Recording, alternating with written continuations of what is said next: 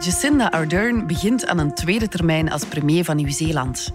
Met een historische 49% van de stemmen werd ze afgelopen weekend herkozen. Ze haalde daarmee een absolute meerderheid in parlementszetels. En ze is amper 40.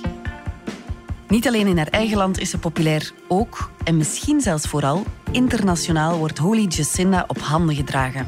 Redacteur Marian Justaert interviewt journaliste Corrie Hanke van onze buitenlandredactie. Het is donderdag 22 oktober. Ik ben Lise Bonduel en dit is de podcast van de Standaard.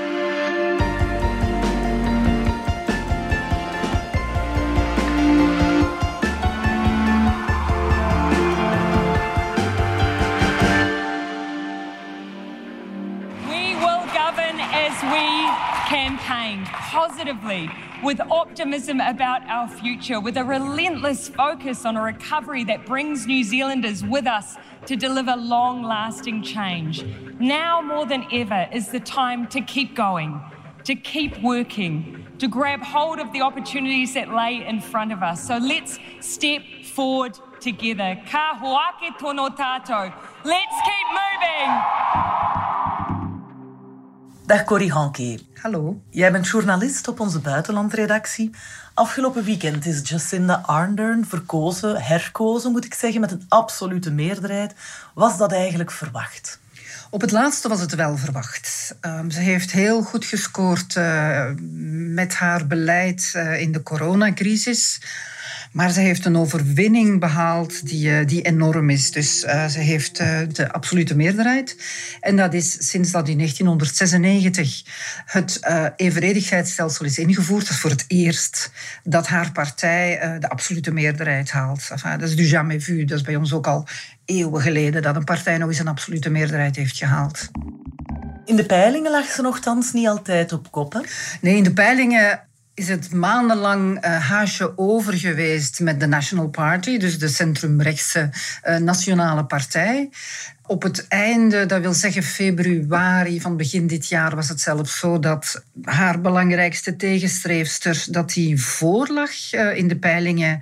Maar toen uh, is, het, is COVID-19 en de coronaproblemen gekomen. En toen heeft Jacinda Ardern heel resoluut uh, gereageerd, waardoor op dit moment haar land een van de voorbeelden is van hoe het nu wel moet. En blijkbaar hebben de kiezers dat wel geapprecieerd. Wat was het geheim van haar aanpak precies? Zij heeft heel resoluut gereageerd. Dus vrij vroeg uh, in, in de COVID-crisis heeft zij het land op slot gedaan. Um, haar motto was uh, go hard, go early. En go hard was alles dicht, een serieuze lockdown. Tegelijkertijd zei ze aan de mensen, be strong, be kind. Ze, ze toont daar een beetje hoe empathisch dat ze is. Zo van, ze geeft aan de mensen uh, moed met te zeggen be strong, maar ook wees zacht voor elkaar, be kind voor elkaar, wetende dat mensen alleen als ze, als ze samen aan hetzelfde zeel trekken, dat ze COVID gaan kunnen overwinnen of, of buiten houden. En, en het heeft uh, zijn vruchten afgeworpen, want het land heeft. Uh, deze week ongeveer in totaal 2000 besmettingen gehad en maar 25 doden. Dus dat is, dat is niets in vergelijking met de rest van de wereld. En ook in het buitenland is ze enorm populair. Hè? Ze wordt het uh, troetelkind van de internationale media genoemd. Klopt toch, hè? Uh, ja, ze wordt enorm graag gezien hè, door de buitenlandse media. Ik las een verhaal van een, van een Nieuw-Zeelander die op reis is. En die zei, overal waar ik kom zijn vragen politici of mensen mij... kunnen wij alsjeblieft Jacinda Ardern um, eventjes, eventjes lenen voor een weekje? Dus blijkbaar is zij, is zij zo wel een het boegbeeld misschien wel van een nieuw soort politici. Waar de wereld nu het zo moeilijk gaat met COVID en zo, waar de wereld misschien wel, wel nood aan heeft. Nee, ze is, uh, ze is heel duidelijk het lievertje met haar empathische, inclusieve aanpak. Haar lichaamstaal ook, de manier waarop ze mensen vastpakt. Zo. Ze faked niet. Ze is, ze is wie ze is. Ze is gewoon een vrouw met een, moeder. En ze laat haar gevoelens ook, ook blijken. Um... Ja, wat iedereen zich ongetwijfeld nog herinnert... zijn die beelden van hoe Jacinda Ardern... na de aanslagen in Christchurch... Uh, de moslimgemeenschap moed insprak... Na die terreuraanslag. Helemaal in het begin van haar toch? En hoe zij dan ook gesluierd enkele woorden sprak tot het publiek. What I can say is that it is clear that this is one of New Zealand's darkest days. Clearly, what has happened here is an extraordinary and unprecedented act of violence. Was voor, uh, zeker voor de internationale media toch het toonbeeld van inlevingsvermogen en empathie? Hè? Zeer zeker. Haar lichaamstaal sprak pijn, verdriet uit. Ze nam mensen vast. Um, ze stond daar zo'n beetje, terwijl ze nog heel jong is, maar ze stond daar echt al zo'n beetje als de moeder van de natie uh, om mensen te troosten. En wat mij heel erg opviel, was dat ze de hele tijd in de wij-vorm sprak. Ik, ik heb een interview met haar gelezen en daarin zei ze, toen het nieuws bekend werd, toen begon ik te, mij te realiseren dat er bij de 51 doden, dat daar Pakistani, Afghaanse mensen bij waren, dat daar heel veel mensen bij waren die uitgerekend in Nieuw-Zeeland op zoek waren naar veiligheid en naar een nieuwe thuis. Dus ik moest aan die mensen duidelijk kunnen maken dat wij voor hen gaan zorgen. Dat zij deel uitmaken van de groep die, die geraakt is door die, uh, die extreemrechtse um, moordenaar. Dus zij heeft helemaal niet het, het wij-zij-gevoel gaan uitspelen, wat andere politici wel doen. Maar veel meer het, het samen gaan we dit probleem aanpassen en wij laten jullie moslims niet in de steek. They have chosen to make New Zealand their home and it is their home. They are us. The person who has perpetuated this violence against us is not. Wat ook heel opvallend is, ze heeft nooit de naam van de moordenaar uitgesproken. Nooit. Dus voor, voor haar was hij dood. Het, uh, in, in alle media-optredens daarna heeft ze telkens uh, omzwachteld over hem gesproken, maar ze heeft nooit zijn naam meer uitgesproken. Wat je ook vaak merkt bij andere politici is, um, zelfs al zouden ze uh, meeleven met slachtoffers, dan vaak daarna uh, duurt het een tijd vooraleer er beleidsdaden komen. Terwijl zij, zij heeft onmiddellijk gereageerd, uh, drie dagen na de moord kwam ze tot het besef dat de wapenwetgeving in haar land uh, niet adequaat is. En ze heeft, die, ze heeft die aangepast. Heel veel politici zouden eerst opiniepeilingen houden, bij de achterban gaan horen, zouden, zouden, zoals dat tegenwoordig heet, gaan kijken of er wel een draagvlak bestaat voor die maatregelen. Zij niet vanuit een, een heel sterk moreel kompas heeft zij beslist van we, moeten die wapenwet wet aanpassen. Um, dus um, haar, haar uh, empathisch en inclusief beleid, je merkt dat uh, in de hele wereld uh, mensen dat heel hard appreciëren. En in die zin wordt zij tegenwoordig tenminste op dat vlak op één lijn bijvoorbeeld met de Duitse bondskanselier Merkel gezet. Heeft dat iets met hun vrouw zijn te maken? Oeh, dat is een gevaarlijke. Heeft het iets met hun vrouw zijn te maken? Ik heb een tijdje geleden een professor daarover geïnterviewd en uh, die vond het heel belangrijk om een onderscheid te maken tussen vrouwelijke en mannelijke persoonskenmerken. Mm -hmm. En Vroeger um, werd de politiek gedomineerd door personen met voornamelijk mannelijke persoonskenmerken. Dat wil zeggen dominant zijn, heel taakgericht zijn, willen winnen. Communicatie, samenwerking misschien iets minder belangrijk vinden. Terwijl mogelijk met corona en het feit dat zoveel mensen thuis zitten en met angst naar de toekomst kijken, zijn er een aantal leiders die hen nu proberen gerust te stellen en, en hen door deze moeilijke periode te sleuren. En dat zijn dan leiders die inderdaad heel empathisch zijn. En dat wordt dan gezien als de zogenaamd vrouwelijke persoonskenmerken. Maar, maar er zijn ook mannen. Uh, Obama had ook, denk ik, veel vrouwelijke persoonskenmerken. En Justin Trudeau. Ja, die heeft ook. Uh, en, en dat zijn leiders die, uh, waaraan men nu blijkbaar wel behoefte heeft. Want als je terug in de geschiedenis kijkt, uh, en daarom is het onderscheid man-vrouw niet helemaal correct. Thatcher was een vrouw. Maar Thatcher leefde in een tijd waar mannelijke persoonskenmerken nodig waren om het te maken aan de top. Terwijl de tijden zijn langzaam aan het veranderen. Dus in die zin, uh, Thatcher zou denk ik nu geen succes meer hebben, terwijl zij is vrouw, maar gewoon omdat zij vooral die mannelijke persoonskenmerken heeft. We zijn zo terug na de reclame.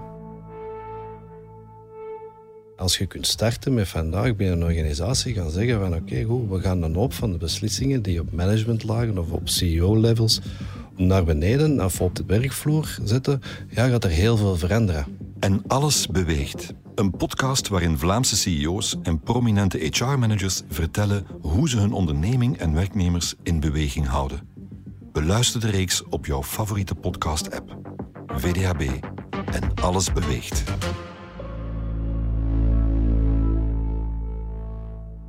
Is het eigenlijk ook een bereikbare politica? Enorm. Ja, ze, is, uh, ze zou eigenlijk mijn buurvrouw kunnen zijn, denk ik. Ik las dat een, uh, een journalist worstelde met de vraag van hoe hij haar naam moest uitspreken. Ja. En uh, hij hij belt daarop en zij zat in een vergadering en zij ziet oh, buitenlands nummer en zij pakt op. En dus is die buitenlandse journalist die vraagt, uh, Prime Minister, how am I supposed to pronounce your name? En dus dan legt zij helemaal uit van dat je, ik hoop dat ik het tenminste juist zeg, uh, Jacinda Ardern, moet zeggen. Ik denk dat er weinigen zouden zijn die dat, doet, die dat doen. En ja, ze heeft ook, ze, heeft ook uh, ze, communiceert met de bevolking via Facebook. De computer staat bij haar thuis open als ze, als ze met het volk spreekt. En een tijdje geleden, ja, uh, iedereen weet ondertussen dat ze, dat ze een kind heeft. Een tijdje geleden wandelde ze rond met, uh, met de computer en zei ze... Ik ben eigenlijk aan het zoeken naar een beter plekje, want ik besef nu dat jullie op de luiers van mijn kleine kijken. En ik denk dat dat, ik denk dat, dat niet zo aangewezen is of niet zo'n zo aangenaam beeld is voor jullie. Dit is het soort uitspraken, woorden dat niet zoveel politici doen. Zij is echt een, een heel gewone vrouw. En ik denk dat dat ook maakt dat ze uiteindelijk toch wel heel erg geliefd is. Ja. En toch krijgt ze ook wel wat kritiek, hè? zeker in eigen land. Ja, men verwijt haar dat uh, de grote beloftes die ze gedaan heeft voor de verkiezingen, dat ze die niet heeft waargemaakt. Dus ze had beloofd dat ze de kinderarmoede zou uh, aanpakken. Voor ze begon was één op de zes kinderen dat leefde in armoede. Nu is het één op de acht. De kindercommissaris zegt daarover: um, Wij zijn blij dat er zoveel aandacht wordt aan besteed, maar eigenlijk in de statistieken zien we geen groot verschil. Dus dat is pijnlijk, want zij had net kinderarmoede en kinderwelzijn bij haar eigen bevoegdheden genomen om daarmee te kunnen scoren. Dus dat is eigenlijk al een beetje min 1. Een ander punt dat niet gekomen is, is ze ging, ze ging de, de huizenmarkt uh, hervormen. Ze had beloofd dat ze um, ehm, 100.000 nieuwe woningen zou bouwen. Omdat de, de, de, de, huurprijzen en ik veronderstel ook de, de koopprijzen van de woningen zo hoog zijn omdat er schaarste is dit jaar zijn er in totaal 400 woningen gebouwd. Dus dat is, dat is heel weinig met uh, wat ze oorspronkelijk beloofd had. En dat was ook een beetje de kracht van, van de, de conservatieve partij toen ze naar de verkiezingen vertrokken. Zij zeiden ja. De premier die geeft heel veel uh, knuffels en hugs, maar wij zullen ervoor zorgen dat je het uiteindelijk beter krijgt. Dat uh, de economie het beter gaat doen en dat een aantal economische problemen gaan opgelost worden. Dus op dat gebied heeft ze niet gedelivered. En je merkt ook dat, uh, dat op de sociale media waren er mensen die ondertussen met de hashtag uh, draai het tijdschrift om zoiets actie voerden, omdat ze vonden dat ze veel te veel in de media kwam, dat ze op elke cover stond en dat het uiteindelijk veel meer een PR-operatie begon te worden dan, dan een echt inhoudelijk beleid te voeren. I am by no means the first woman to multitask. Uh, and in terms of being a woman in politics, there are plenty of women who carved a path and incrementally have led the way to be able to make it possible for people to look upon my time in leadership and think, yes, I can do the job and be a mother. Zij heeft het toch gehaald. Heeft dat ermee te maken dat zij ook wel ergens het symbool is geworden van werkende moeders? Ik denk dat ze dat zelf niet leuk zou vinden als journalisten over haar als werkende moeder beginnen te praten en zeggen, eh, haar erop wijzen dat ze de baby meegenomen heeft naar de VN en zo, dan reageert ze eigenlijk altijd nogal kribbig. Ik denk dat zij veel meer vindt van ik ben gewoon een geëmancipeerde vrouw en mijn man uh, pakt ook een deel van de taken over.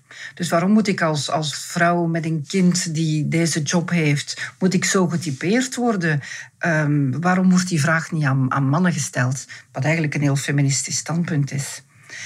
En ze kan uiteindelijk deze job ook maar doen, want ze is getrouwd met een tv-presentator die een stapje achteruit gedaan heeft. Dus ze hebben een duidelijke taakverdeling afgesproken. En, en uh, zoals ze zelf zei, op zeker moment zijn we samen aan tafel gaan zitten en hebben we gezegd van... Oké, dit komt op ons af. Ik word premier vorige keer. Uh, jij bent uh, presentator. hoe gaan we het hier nu verdelen? Dus ik, ik, ik denk niet dat zij het prettig zou vinden om zo als symbool van de, de, de werkende moeder naar voren geschoven te worden. Ja. Uit wat voor nest komt zij eigenlijk?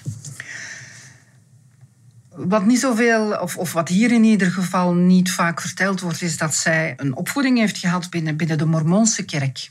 En mensen die, die haar volgen, die zeggen dat haar heel, haar heel duidelijk moreel besef en bijvoorbeeld het feit dat ze onmiddellijk uh, voor een verstrengde wapenwet heeft uh, geijverd, dat dat komt vanuit de waarden en normen die ze vanuit die Mormoonse opvoeding heeft meegekregen.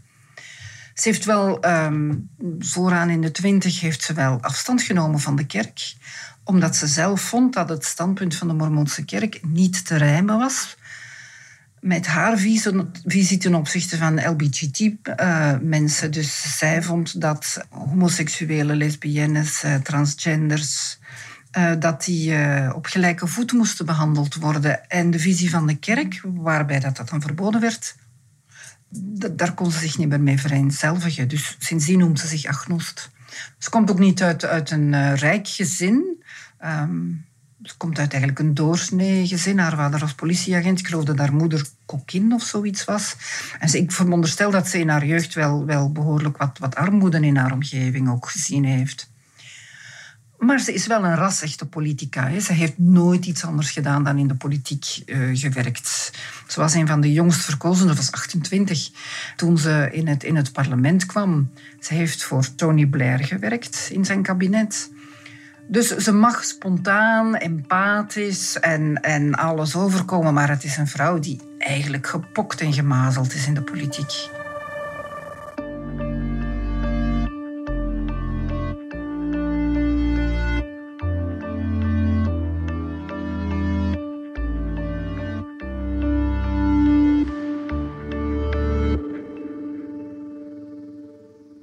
What's going on in New Zealand.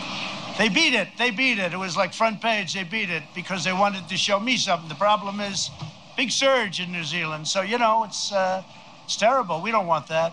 Wat opvalt is dat ze zich toch ook durft af te zetten tegen de Amerikaanse president Donald Trump. Hè?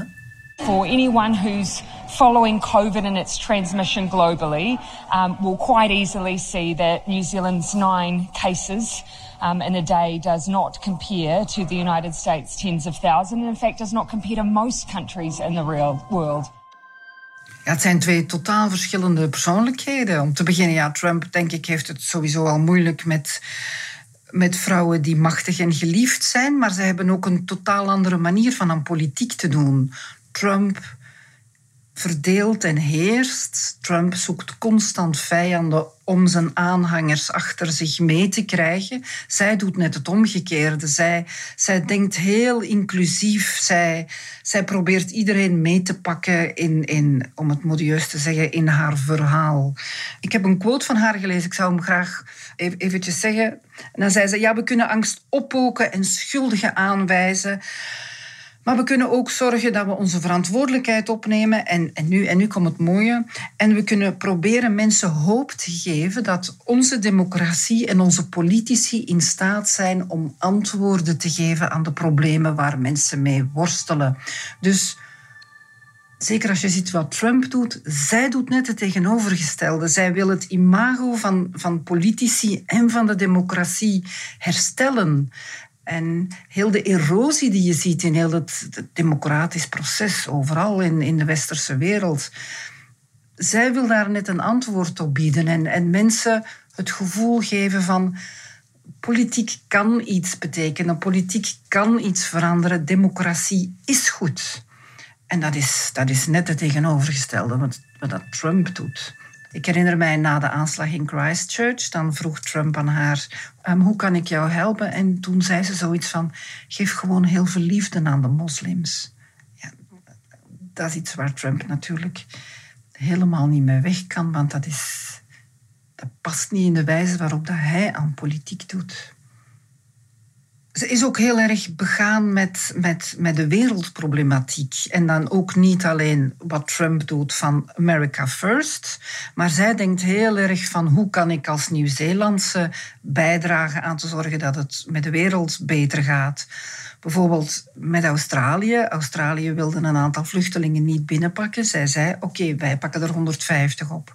Klimaatbeleid hetzelfde. Trump die stapt uit het uh, klimaatakkoord van Parijs. Zij stelt duidelijke doelstellingen voor het klimaatbeleid. Dus zij vindt ook, net zoals ze dat binnenlands vindt, dat, dat haar land uh, een rol moet spelen in de, in de internationale politiek en daar zijn steentje moet toe bijdragen opdat het beter gaat in de wereld. Uh, actually, this is about being on the right side of history. And do you want to be a leader that you look back in time and say that you were on the wrong side of the argument when the world was crying out for a solution? Yeah. Uh, and it's as simple as that, I think. Is het bedje van uh, Jacinda Ardern dan gespreid voor de komende jaren? Dat vermoed ik niet. Ze heeft volgens analisten en toch ook als je de opiniepeilingen zag voor de coronacrisis, ze heeft deze verkiezingen gewonnen omdat Nieuw-Zeeland relatief coronavrij is. Maar ze heeft van haar vorige verkiezingen een aantal onvervulde beloftes liggen. En analisten zeggen dat de kiezers haar eigenlijk een tweede kans geven nu. Dus eigenlijk nu zal ze moeten deliveren, want um, alleen met empathisch te zijn kom je er niet. Enfin, de huizenmarkt, de huurhuizen blijven hoog, de kinderarmoede blijft hoog. Op een zeker moment word je wel ook op je resultaten afgerekend. De witte broodsweken zijn voorbij. De witte broodsweken zijn voorbij, ja. Oké, okay, dankjewel Corrie Hanke. Graag gedaan. Dit was de podcast van de Standaard. Bedankt voor het luisteren. Wil je reageren? Dat kan via podcast.standaard.be. Alle credits vind je op standaard.be-podcast. Morgen zijn we er opnieuw.